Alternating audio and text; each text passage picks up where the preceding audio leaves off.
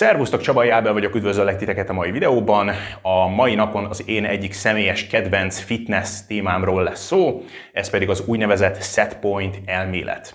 Ez megint egy olyan videó lesz, ahol angol és magyar szavakat fogunk kombinálni elég sokat, remélem, hogy ez tolerálható lesz, de ezt a kifejezést angolul, hogy set point, ezt mindenkinek érdemes megjegyezni, ugyanis ez olyan kérdéseket takar, mint hogy miért van az, hogy egyes emberek természetesen soványabbak, mások pedig természetesen kövérebbek, mint mások, arról is szó van, hogy van-e az ember számára egy ideális testfelépítés és egy ideális testzsír amit fent akar tartani a testünk, és talán ami ennél is fontosabb, arról is szól ez, hogy ez genetikusan meghatározott, vagy ez egy olyan dolog, amin mi tudunk változtatni a szokásainkkal, meg a környezetünknek a módosításával. Úgyhogy ha ez érdekesen hangzik, akkor azt javaslom, hogy csapjunk is bele a videóba.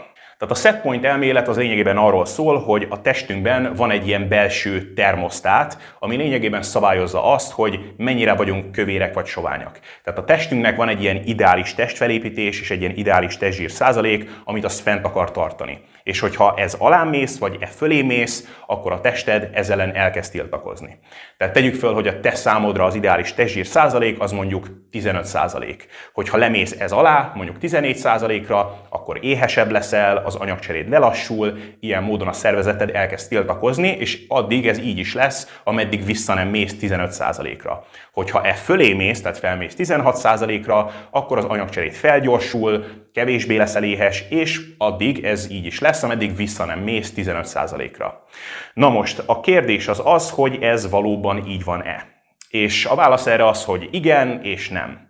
Egyfelől igen, mivel azt tudjuk, és erről volt már szó az anyagcserés videómban, hogy a soványabb test az általánosságban együtt jár azzal, hogy az éjségérzet megnő, illetve az anyagcsere lelassul. A kövérebb test az együtt jár azzal, hogy az anyagcsere felgyorsul, és az éjségérzet lecsökken. Tehát vedd a te jelenlegi testfelépítésedet, testsúlyodat és testzsírszázalékodat, hogyha lefogysz 10 kilót, akkor éhesebb leszel, és az anyagcseréd az lassabb lesz. Hogyha felszesz 10 kilót, akkor felgyorsul az anyagcseréd, és kevésbé leszel éhes. Vannak extrém esetek, amikor ez nem igaz, tehát hogyha nagyon-nagyon magasra felmegy a testzsír százalékod, akkor egyes olyan hormonális változások beállhatnak, amiknek a következtében még éhesebb leszel, tehát vannak erre kivételek, de általánosságban ez igaz, hogy soványabb test, éhesebb test, kövérebb test, kevésbé éhes test, illetve lassabb anyagcsere, gyorsabb anyagcsere.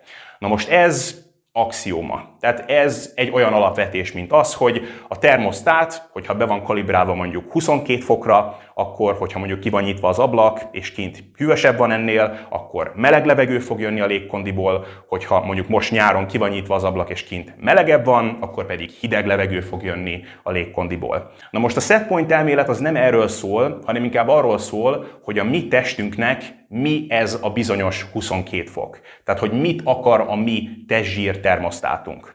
És akkor innentől kezdve adódik a kérdés, hogy valóban létezik-e egy ilyen ideális testfelépítés és testzsír százalék, amit fent akar tartani a testünk. És hogyha van, akkor hol van ez a pont? Tehát mikor van az, hogy a testünk az úgy van bele, hogy jól van, ezen a ponton békén hagylak. Tehát nem fogom se lecsökkenteni, se megnövelni az éjségérzetedet, nem leszel se túl letargikus, se nem túl mozgékony, hanem így köszönöd szépen jól vagy. Tehát neked ez egy ilyen szép, fenntartható, homeosztatikus pont. Na most a helyzet itt az, hogy ha van is egy ilyen pont a tested számára, az semmiképpen nem egy adott konkrét testfelépítés vagy testzsír százalék. Tehát olyan nincsen, hogy neked a tökéletes ideális testzsír százalék az mondjuk 15 százalék, és hogyha lemész ez alá mondjuk csak 14 százalékra, akkor ott azonnal égindulás, földindulás, és farkaséhes leszel, és kopogni fognak a szemeid, és csak a kajájára az eszed, de amint visszamész 15 százalékra, akkor megint minden jó, és hogyha 15 százalékról felmész csak 16 százalékra, akkor teljesen elmegy az étvágyad, és letargikus leszel, és eddig ez úgy is lesz, ameddig vissza nem mész 15 százalékra. Tehát a testünk az nincsen ennyire finoman behangolva. Itt sokkal nagyobb hiba határokkal dolgozunk. Ugye még a termosztát is egy bizonyos hiba határral dolgozik. Tehát, hogyha 22 fokosra van bekalibrálva a termosztátod, és mondjuk odakint 22,1 Celsius fok van, akkor még nem fog hideg levegő jönni a légkondiból. Hogyha odakint 23-24 fok van, akkor ezt már észtelni fogja a termosztátod, és akkor jönni fog a hideg levegő. Ugyanígy van a testfelépítésünkkel is. Tehát, hogyha azt mondjuk, hogy neked az ideális testsír százalék az mondjuk 15 százalék, akkor ez azt jelenti a gyakorlatban, hogy valahol mondjuk 12 és mondjuk 18 százalék között így köszönöd jól vagy. Tehát ez egy ilyen szép tág, ilyen homeosztatikus zóna, nem egy konkrét homeosztatikus pont. Hogy ezt szemléltessem a saját példámon, én azt figyeltem meg magamon az évek során, hogy durván olyan 84 és mondjuk 90 kiló között én így köszönöm jól vagyok. Tehát az energiaszintem jó, az éjségérzetem az úgy pont a helyén van, se nem vagyok túl éhes, de még mindig élvezni tudok egy jó tál ételt, hormonálisan látszólag legalábbis minden jól megy, a libidóm az a helyén van, az edzőteremben a teljesítőképességem szintén jó, tehát így jól meg vagyok ezen a ponton. Ugyanakkor még, hogyha ezen a homeosztatikus zónán kívül is megyek, akkor sem arról van szó, hogy akkor ott azonnal minden összedől, és azonnal jön a kataklizma. Tehát azt mondtam, hogy mondjuk 84 kg ennek a zónának az alsó része az én számomra. Na most, hogyha 84 kilóról lemegyek 83 kilóra, igen, érezni fogok egy kis különbséget. Tehát egy picit éhesebb leszek, egy picit ételfókuszáltabb vagyok, de semmilyen jelentősebb különbségről nincs itt még szó. Hogyha lemegyek 82 kilóra, akkor igen, azt már érezni fogom, és, és jobban észlelhető a dolog. Hogyha lemegyek 81 kilóra, akkor ott már úgy érzem magam, hogy jó, ez most már kezd kellemetlen lenni. Ha lemegyek 80 kilóra, akkor ott már tényleg úgy van vele a testem, hogy haver srác, ez hagyd abba, egyél valamit, ez most már nem esik jól. És hogyha elkezdek jelentősen 80 kiló alá menni, akkor lényegében minden fél százalék testzsírnak a leadása az plusz 20% szívással jár. És amikor lemegyek mondjuk ilyen 76-77 kilóra, akkor igazából be se kell arról számolnom, hogy hogy érzem magam, mert látnád rajtam. Tehát azt látnád, hogy egy másik ember ül veled szemben. És nem csak abból látnád ezt, hogy soványabb az arcom, meg hogy vékonyabbnak nézek ki, hanem látnád, hogy ez a csávó nincsen jól. Tehát letargikus vagyok, fáradt vagyok, este nem alszom jól, könnyen irritálható vagyok, tehát nem szeretem az embereket, az emberek se szeretnek engem. Igazából az egész napom a kaja körül forog, az étvágyam hatalmas, libido, pff, ezen a ponton, hogyha a barátnőm besétálna a szobába a legszexi fehér neműjébe, és egy pizzát tartana a kezébe, akkor ránéznék, és mondanám, hogy drágám, hozom a pizzaszószt. És nyilván hasonló dolgokról beszélhetünk az ellenkező irányba is. Tehát mondjuk azt mondjuk, hogy nekem 90 kg mondjuk ennek a homeosztatikus zónának a teteje. Na most, hogyha 90 kg-ról felmegyek 91 kg-ra, akkor igen, egy picivel még kisebb lesz az étvágyam, de olyan jelentős különbségekről még nem tudok beszámolni. Felmegyek 92 kg-ra, akkor igen, most már tényleg igazából nagyon nem tud lázba hozni a kaja, illetve inkább úgy mondanám, hogy az inger küszöböm a kajára nézve, illetve hogy milyen kajákat tartok finomnak, az jóval jobban kitolódik, tehát egy tál zöldség, valami jó kis hússal, valami jó kis szószal, ez már nem nagyon tud lázba hozni, most már tényleg valami nagyon ízletes dolgot kell lennem, hogy attól izgalomba tudjak jönni. Felmegyek mondjuk 93-94 kilóra, itt már effektív a közérzetem is a kárát ennek. Tehát ilyen lassúnak, nehézkesnek, letargikusnak érzem magam. Néhány ilyen más furcsaságot is megtapasztalok, ami nem túl kellemes, tehát evéskor például hajlamosabb vagyok többet izzadni, tehát eléggé kellemetlen a dolog. Este már sokszor nem alszom jól, sokszor felébredek este, úgyhogy izzadok és verítékbe vagyok, egyszerűen próbál a testem egy kis hőt leadni végre. Tehát igen, minél jobban elkezdek fölfele kilépni ebből a homeosztatikus zónából, annál inkább elkezdi a testem a tudtomra adni azt, hogy ez most már nem az ideális pont a számodra. Úgyhogy nem egy konkrét testzsír százalékról van itt szó, vagy egy konkrét testfelépítésről, valóban van egy ilyen belső termosztát, de ez egy ilyen sokkal nagyobb tartományt jelent, nem egy konkrét pontot. Innen adódik a következő kérdés, hogy ez egy genetikusan meghatározott dolog, tehát ez egy ilyen születéstől elrendeltetett dolog, vagy ez egy olyan dolog, amin mi tudunk változtatni, és ez inkább a szokásainknak, a stratégiáinknak, meg az életmódunknak a függvénye. És nem olyan nagyon meglepő módon, itt az a válasz, hogy is-is. Tehát van egy ilyen mondás, hogy a gének töltik meg a fegyvert, de az életmód húzza meg a ravaszt.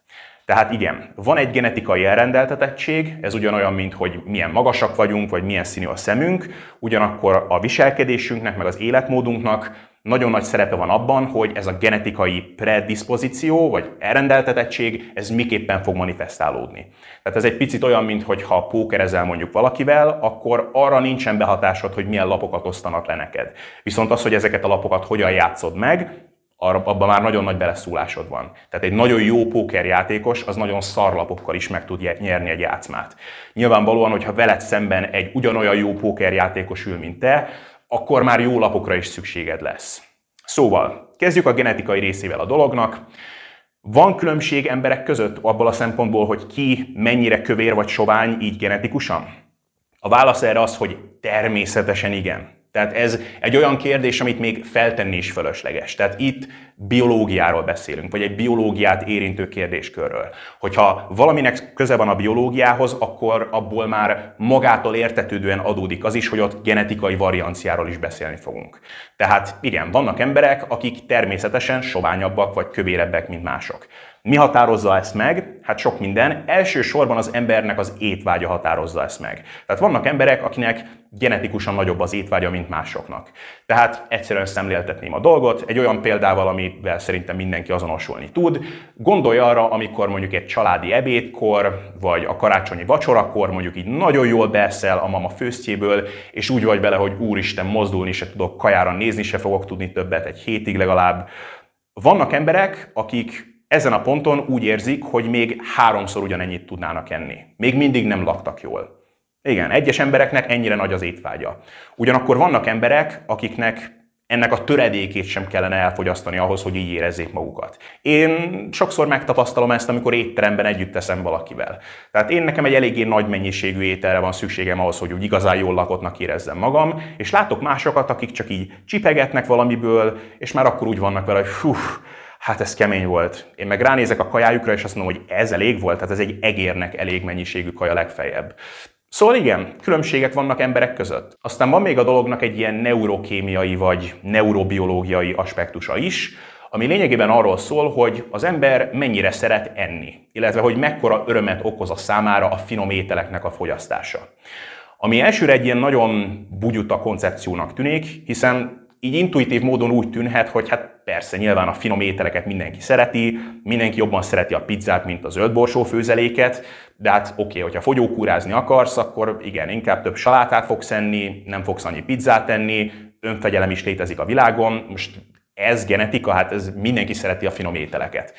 Ilyen módon sokan úgy gondolhatunk erre, hogy ez pusztán egy pszichológiai dolog, de itt inkább egy neurobiológiai dologról van szó, nyilván a pszichológiával együtt. Igazából arról van itt szó, hogy bár nyilván szubjektív módon mindenki jobban szeret finomabb dolgokat tenni, mint kevésbé finom dolgokat, az, hogy egy finom tálételnek az elfogyasztására mennyire extrém módon reagál az agyad, az emberről emberre változik. Tehát amikor valami pozitív dolgot megtapasztalsz, mint például egy finom ételnek a fogyasztása, akkor az agyadnak a jutalmazó központjai azok aktiválódni fognak. Na most egyes embereknek nagyon-nagyon brutálisan erősen aktiválódnak ezek a rétegek, másoknak sokkal kevésbé. Tehát gondolja te saját szubjektív élményedre, amikor mondjuk eszel egy szelet pizzát. Lehet, hogy a te agyad az úgy van vele, hogy ja, ez jó volt, ez nagyon kellemes volt, örülünk neki. Valaki másnak az agya, az pedig úgy reagál erre, hogy pff, agy orgazmus. Tehát ez, ez maga volt a mennyország, hát ez, ez valami elképesztő volt. Egy harmadik embernek az agya, az pedig úgy reagál erre, hogy oké, okay, nem volt rossz, semmi különös.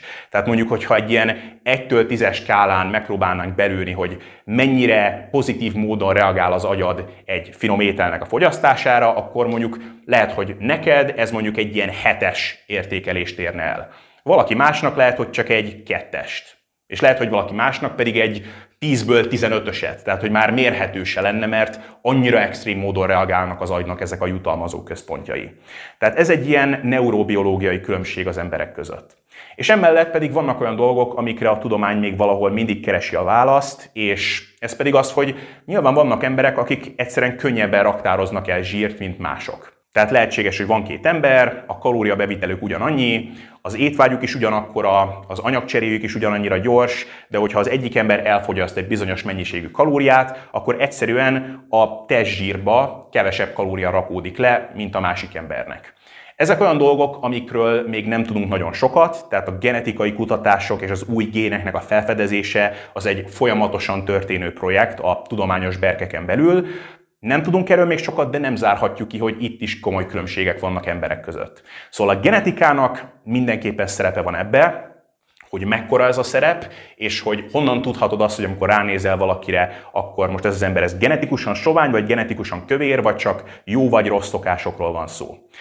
Azt mondanám, hogy extrém esetekben eléggé biztos lehetsz benne, hogy a genetikának komoly itt a szerepe. Tehát amikor látsz valakit, aki mondjuk 200 kg, vagy annál is több, ugye van is ez a sorozat, az élet 250 kg fölött, azt hiszem ez a címe, igen, hogyha valaki ennyire meghízik, akkor ott nagyon jó eséllyel a genetikának komoly szerepe van. És az imént említett tényezők közül valószínűleg több fronton is, hát nincsen genetikailag megáldva az egyén. Tehát 10-20 kiló túlsúlyt annyit bárki tud cipelni. Tehát ehhez nem kell rossz genetika. Tehát ennek az embernek még simán benne lehet az is a pakliban, hogy egész évben kockás hasa lehetne, egyszerűen csak rossz szokásai vannak, a környezetét sem alakította megfelelően, meg hát így nincs benne a fitness életmódban kellőképpen. Ugyanilyen módon csak azért, mert valakinek egy ilyen izmos, meglehetősen szákás, soványabb testalkata van, ez még nem jelenti azt önmagában, hogy genetikusan is egy sovány emberről van szó. Tehát ennek az embernek ugyanúgy benne lehetne a pakliban, hogy rosszabb szokásokkal simán lehetne rajta 10-20 kg túlsúly.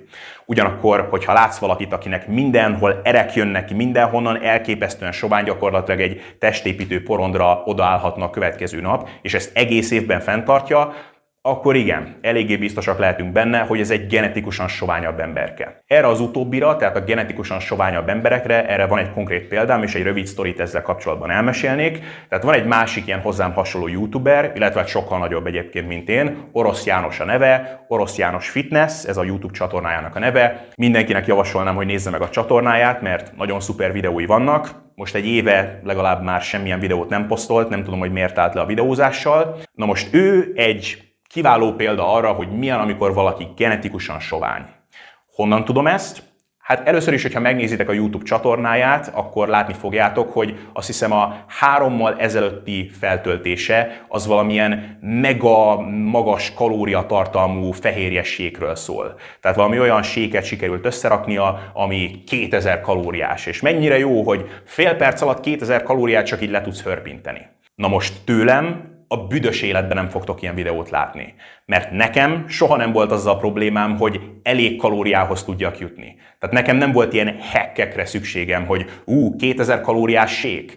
Nekem, hogyha valamivel kihívásaim voltak, ahogy szerintem a többségnek inkább ezzel voltak kihívásaik, az az, hogy ne jöjjön be túl sok kalória. Tehát, hogyha tőlem valamilyen sékről egy receptet fogtok látni, az inkább olyan lesz, hogy nézzétek, milyen jó dolgot találtam, ez a sék nagyon finom, és csak 150 kalória van benne.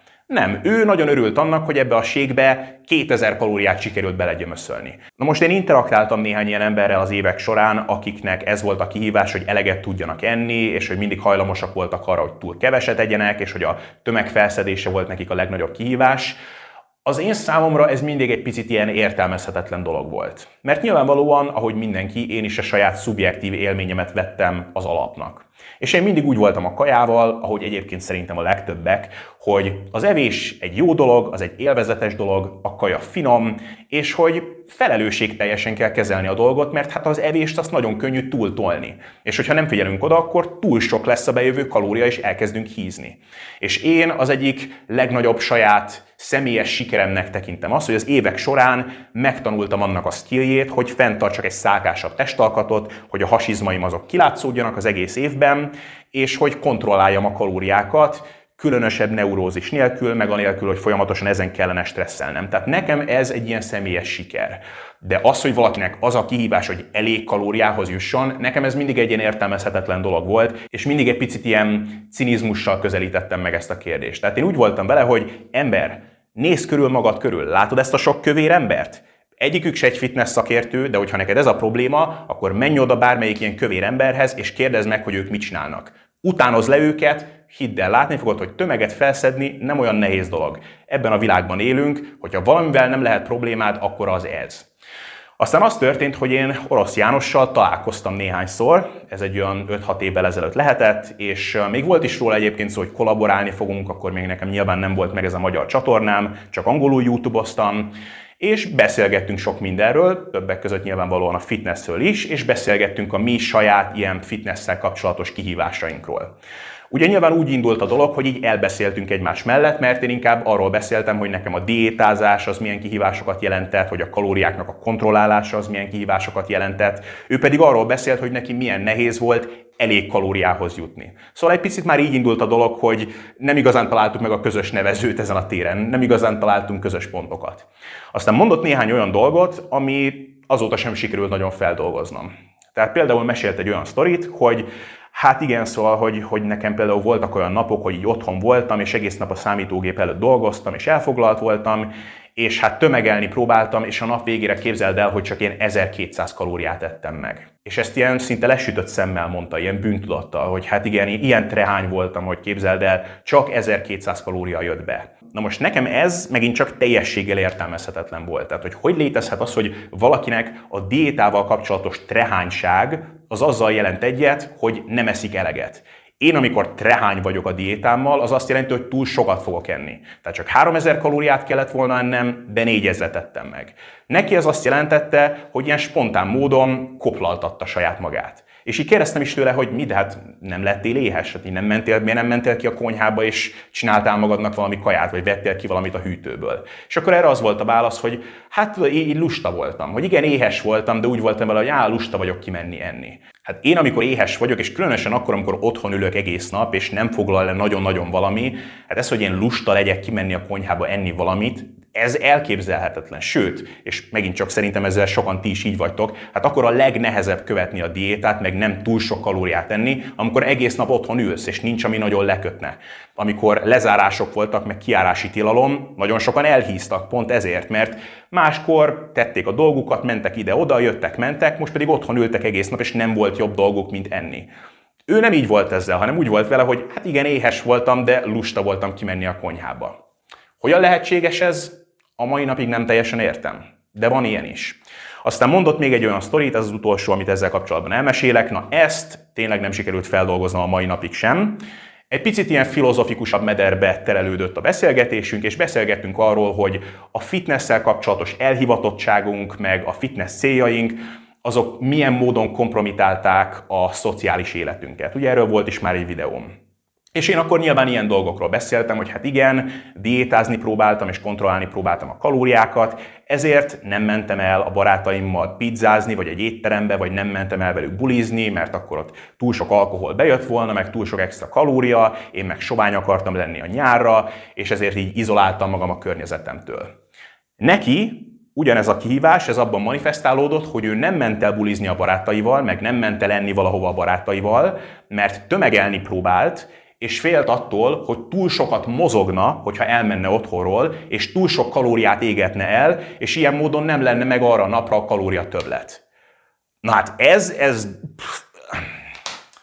ezzel nem sikerült túltennem magam még a mai napig. Tehát én azt gondoltam, hogy ilyen csak a mémek világában létezhet. Hogy igen, biztos van valami olyan ember, akinek annyira nehéz tömeget felszedni, hogy ő nem mer mozogni, mert fél, hogy túl sok kalóriát fog elégetni, de nem, valóban létezik ilyen dolog. És én ekkor azt a konklúziót vontam le, hogy igen, ez egy olyan ember, aki arra született, hogy egy kockás hasú fitness influencer legyen. Tehát kedves orosz János, nem tudom miért hagytad abba a videózást, de rosszul tetted. Kezdjél újra videókat csinálni, minden videóban jelenj meg félmeztelenül, mert neked az egész életedben kockás hasad lesz, és egy baromi szákás testalkatod, mert erre születtél. Többek között nyilván más dolgokban is jó vagy, például nagyon jó videókat csinálsz, de igen, tehát vannak emberek, akik tényleg ilyenek, és nekik tényleg egyszer, ennyire egyszerű fenntartani egy szálkás testalkatot, sőt, nekik az a kihívás, hogy ne legyen ennyire szálkás a testalkatuk. Na most nyilván ezek extrém esetek, tehát a legtöbben nem ilyenek vagyunk, és hogy visszatérjünk arra, hogy mekkora a genetikának a szerepe, van szerepe a genetikának, de úgy, ahogy más genetikusan meghatározott tényezőknél is, itt is lehet beszélni extrém kivételekről, és lehet beszélni átlagokról. Tehát a legtöbben se nem 250 kilós emberek nem vagyunk, se nem orosz Jánosok nem vagyunk. A legtöbbünkre az az igaz, hogy van egy ilyen testzsír termosztátunk, van egy ilyen ideális testfelépítésünk és egy ilyen homeosztatikus zónánk, ami nagyjából azt fogja jelenteni, hogy se nem leszünk nagyon kövérek, se nem leszünk elképesztően soványak és szálkásak, hogyha ezért nem dolgozunk nagyon keményen. És akkor itt jön igazából be a szokásoknak, az életmódnak, meg a stratégiának a szerepe. Tehát ahogy mondtam, a genetika tölti meg a fegyvert, de az életmód húzza meg a ravaszt. Tehát akármilyen géneket is kapott valaki, legyen ő genetikusan soványabb vagy kövérebb, nagyon sok fog azon múlni, hogy milyen a környezet körülötte, és hogy milyen az életmódja. Tehát, hogyha orosz Jánost betennéd például egy olyan környezetbe, ahol csak a McDonald'sban fog tudni enni, naponta háromszor, négyszer, akkor garantálom nektek, hogy nem lesz ennyire sovány, mint most. Ugyanúgy, ahogy azt a nagyon túlsúlyos embert, aki most 250 kg, hogyha oda tennénk egy szigetre, ahol nem tudna ilyen nagyon finom, hiperjutalmazó, nagyon magas kalóriatartalmú ételeket tenni, hanem ott vadásznia, halásznia kéne, meg gyűjtögetnie kéne, akkor biztos, hogy nem lenne ilyen komolyan tett túlsúlyos. Tehát a környezetünknek annak, hogy most egy ilyen világban élünk, ahol nagyon könnyű hozzájutni ezekhez a nagyon finom, meg nagyon magas kalóriatartalmú ételekhez, ennek nagyon nagy szerepe van abban, hogy a legtöbben hát nem úgy járnak kellnek, hogy kockás a hasuk. És igazából a genetikai elrendeltetettségről, meg a genetikádról Igazából beszélni sem érdemes addig, ameddig nem sajátítottad el azokat a skilleket, meg azokat a stratégiákat, amiket bárki elsajátíthat, és amik szükségesek ahhoz, hogy adott esetben egy szálkásabb testalkatot fenntartsál. Tehát az, hogy az ételeknek kontrolláljuk az energiasűrűségét, az, hogy sok zöldséget, sok gyümölcsöt együnk, elég fehérjéhez jussunk, ne legyen ilyen figyelem nélküli össze-vissza nassolgatás, hanem leüljünk úgy, ahogy egy felnőtt embernek az kellene, háromszor, négyszer egy nap enni, és akkor ebből álljon az étkezés, edzésünk, az, hogy mozogjunk, sportoljunk, tehát amikor már ezeket a dolgokat csináljuk, és nagyjából mindent jól csinálunk, legalábbis a legjobb tudásunk szerint, akkor el lehet azon kezdeni gondolkozni, hogy oké, okay, mi számomra a reális testfelépítés, amit az egész év során fent tudok tartani.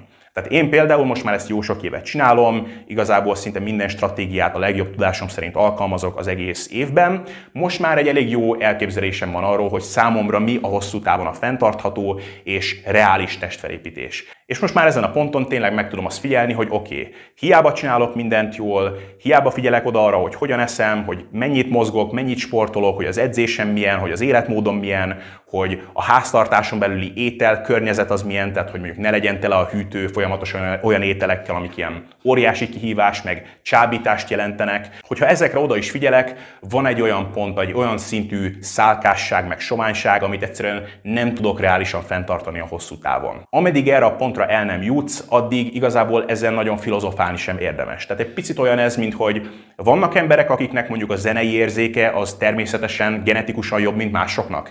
Természetesen van ilyen. De hogyha meg akarod azt határozni, hogy mennyire vagy tehetséges mondjuk zongorista, hát az eléggé nehéz lesz anélkül, hogyha el sem kezdesz mondjuk zongora leckéket venni. Hogyha már csinálod néhány hónapja, és van egy másik emberke melletted, aki ugyanakkor kezdte, és ugyanannyit gyakorolt, mint te, akkor levonhatsz valamilyen konklúziót abból, hogy oké, okay, mennyire vagyok ebben tehetséges, mennyire reális az, hogy belőlem egy ilyen zongora virtuózó lesz majd. Ugyanerről beszélünk igazából itt is. Illetve arról is beszélni kell itt, hogy az a testfelépítés, ami majd a hosszú távon egy reális cél lehet a számodra, az lehet, hogy a kezdetekben még nem az. Ugyanis az, hogy mennyire tudsz egy szálkás testalkatot fenntartani, az nagyban függ attól, hogy milyen életmódot vagy hajlandó elfogadni és fenntartani a hosszú távon. Tehát ahogyan én most élem az életem, ha azt nézem, hogy mennyit edzem, hogy hogyan kajálok, hogy a napom az hogyan van struktúrálva, összerakva, hogyha tíz évvel ezelőtt azt mondtad volna nekem, hogy így fogom élni az életem, akkor azt mondtam volna, hogy Jézus Mária, hát ez olyan, mintha egy ilyen valamilyen főállású atlétáról vagy sportolóról beszélnék. Hát én így biztosan nem akarok élni. De mára ez igazából egy ilyen természetes létforma, és nem tűnik megerőltetőnek.